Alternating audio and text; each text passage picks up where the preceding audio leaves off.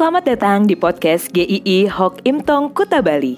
Penginjil Ray Reginaldi akan membagikan renungan harian singkat untuk membawa Anda mengenal dan menyembah Tuhan Yesus, bertumbuh dan menjadi murid Kristus, serta berdampak untuk banyak orang.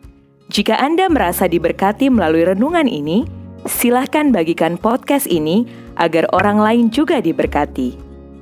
Inilah renungan hari ini.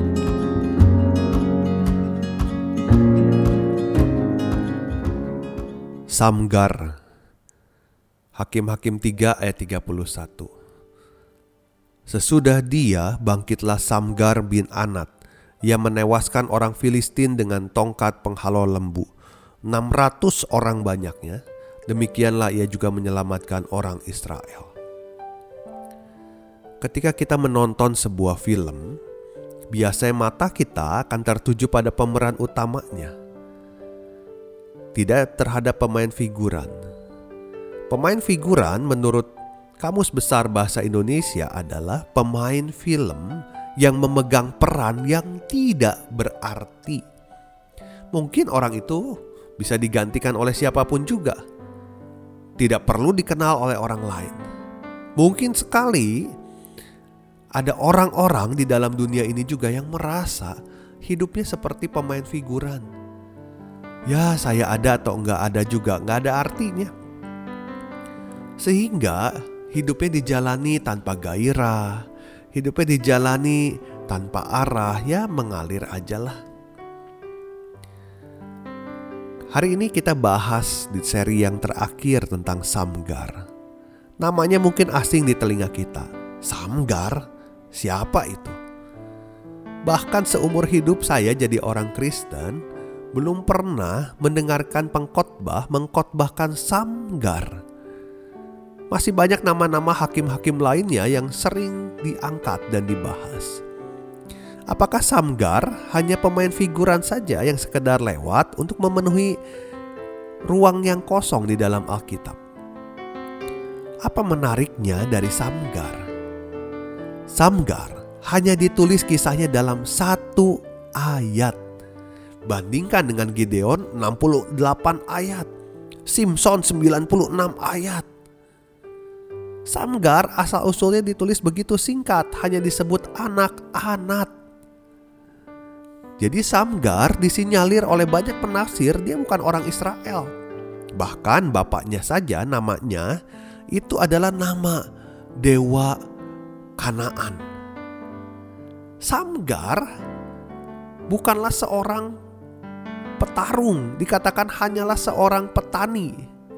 Lihat saja senjatanya hanya tongkat penghalau lembu, bukan samurai, bukan tombak. Dia dituliskan namanya sebagai salah satu dari nama-nama hakim-hakim lainnya. Dia dengan bersenjatakan tongkat penghalau lembu dikatakan membabat 600 orang Filistin Pasti bukan karena kekuatannya, tetapi karena kekuatan Tuhan. Dan kalimat yang penting adalah demikianlah ia juga menyelamatkan orang Israel. Lihat, dia bukan memainkan figuran, mungkin kemunculannya sesaat, tetapi dia menyelamatkan orang Israel. Satu karya yang begitu besar, yang begitu penting dan lagi-lagi kalau kita lihat Samgar, kita bisa melihat Tuhan memakai seseorang dengan keunikan sendiri.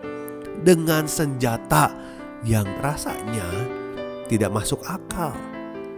Orang yang tidak masuk hitungan tapi dipakai Tuhan untuk menyelamatkan orang Israel. Ingatkah Anda perkataan nubuatan Nabi Yesaya dalam Yesaya 53 ayat 2 sampai 3? Sebagai taruk ia tumbuh di hadapan Tuhan dan sebagai tunas dari tanah kering. Ia tidak tampan dan semaraknya pun tidak ada sehingga kita memandang dia dan rupa pun tidak sehingga kita menginginkannya. Ia dihina, ia dihindari orang, seorang yang penuh kesengsaraan dan yang biasa menderita kesakitan. Ia sangat dihina sehingga orang menutup mukanya terhadap dia dan bagi kita pun dia tidak masuk hitungan. Ya, itulah Tuhan Yesus. Tidak ada yang memperhitungkannya saat itu, tidak ada yang memandangnya saat dia dilukai, dihajar, orang-orang menghinanya. Tetapi dia justru adalah satu-satunya penyelamat hidup kita. Supaya hidup kita berarti dan bermakna dan kita mempunyai tujuan yang jelas. Kita yang terhina posisinya tadi. Kita diangkat Tuhan dikatakan jadi biji matanya. Mari hiduplah dengan memandang Kristus juru selamat kita. Mungkin di dalam hidup ini kita tidak setenar orang lain. Mungkin dalam pekerjaan pun kita tidak sesukses orang lain. Mungkin di tempat kuliah kita tidak semenonjol teman-teman yang lainnya. Atau mungkin kita juga punya keterbatasan-keterbatasan secara fisik. Mungkin kita juga tidak fasih dalam berbicara seperti orang lain. Tetapi saat kita menjadi anak Tuhan, dia pasti menitipkan tugas untuk kita kerjakan di dalam dunia ini untuk berkarya baginya dan untuk kemuliaan namanya. Ingat, kita bukan orang yang hanya numpang lewat saja di dalam dunia ini seperti figuran. Tetapi kita bagian dari rencana Tuhan di dalam dunia ini. Siapa pun Anda, kalau Anda adalah anak Tuhan, Anda pasti bisa berkarya untuk Tuhan. Sampai jumpa, Tuhan memberkati.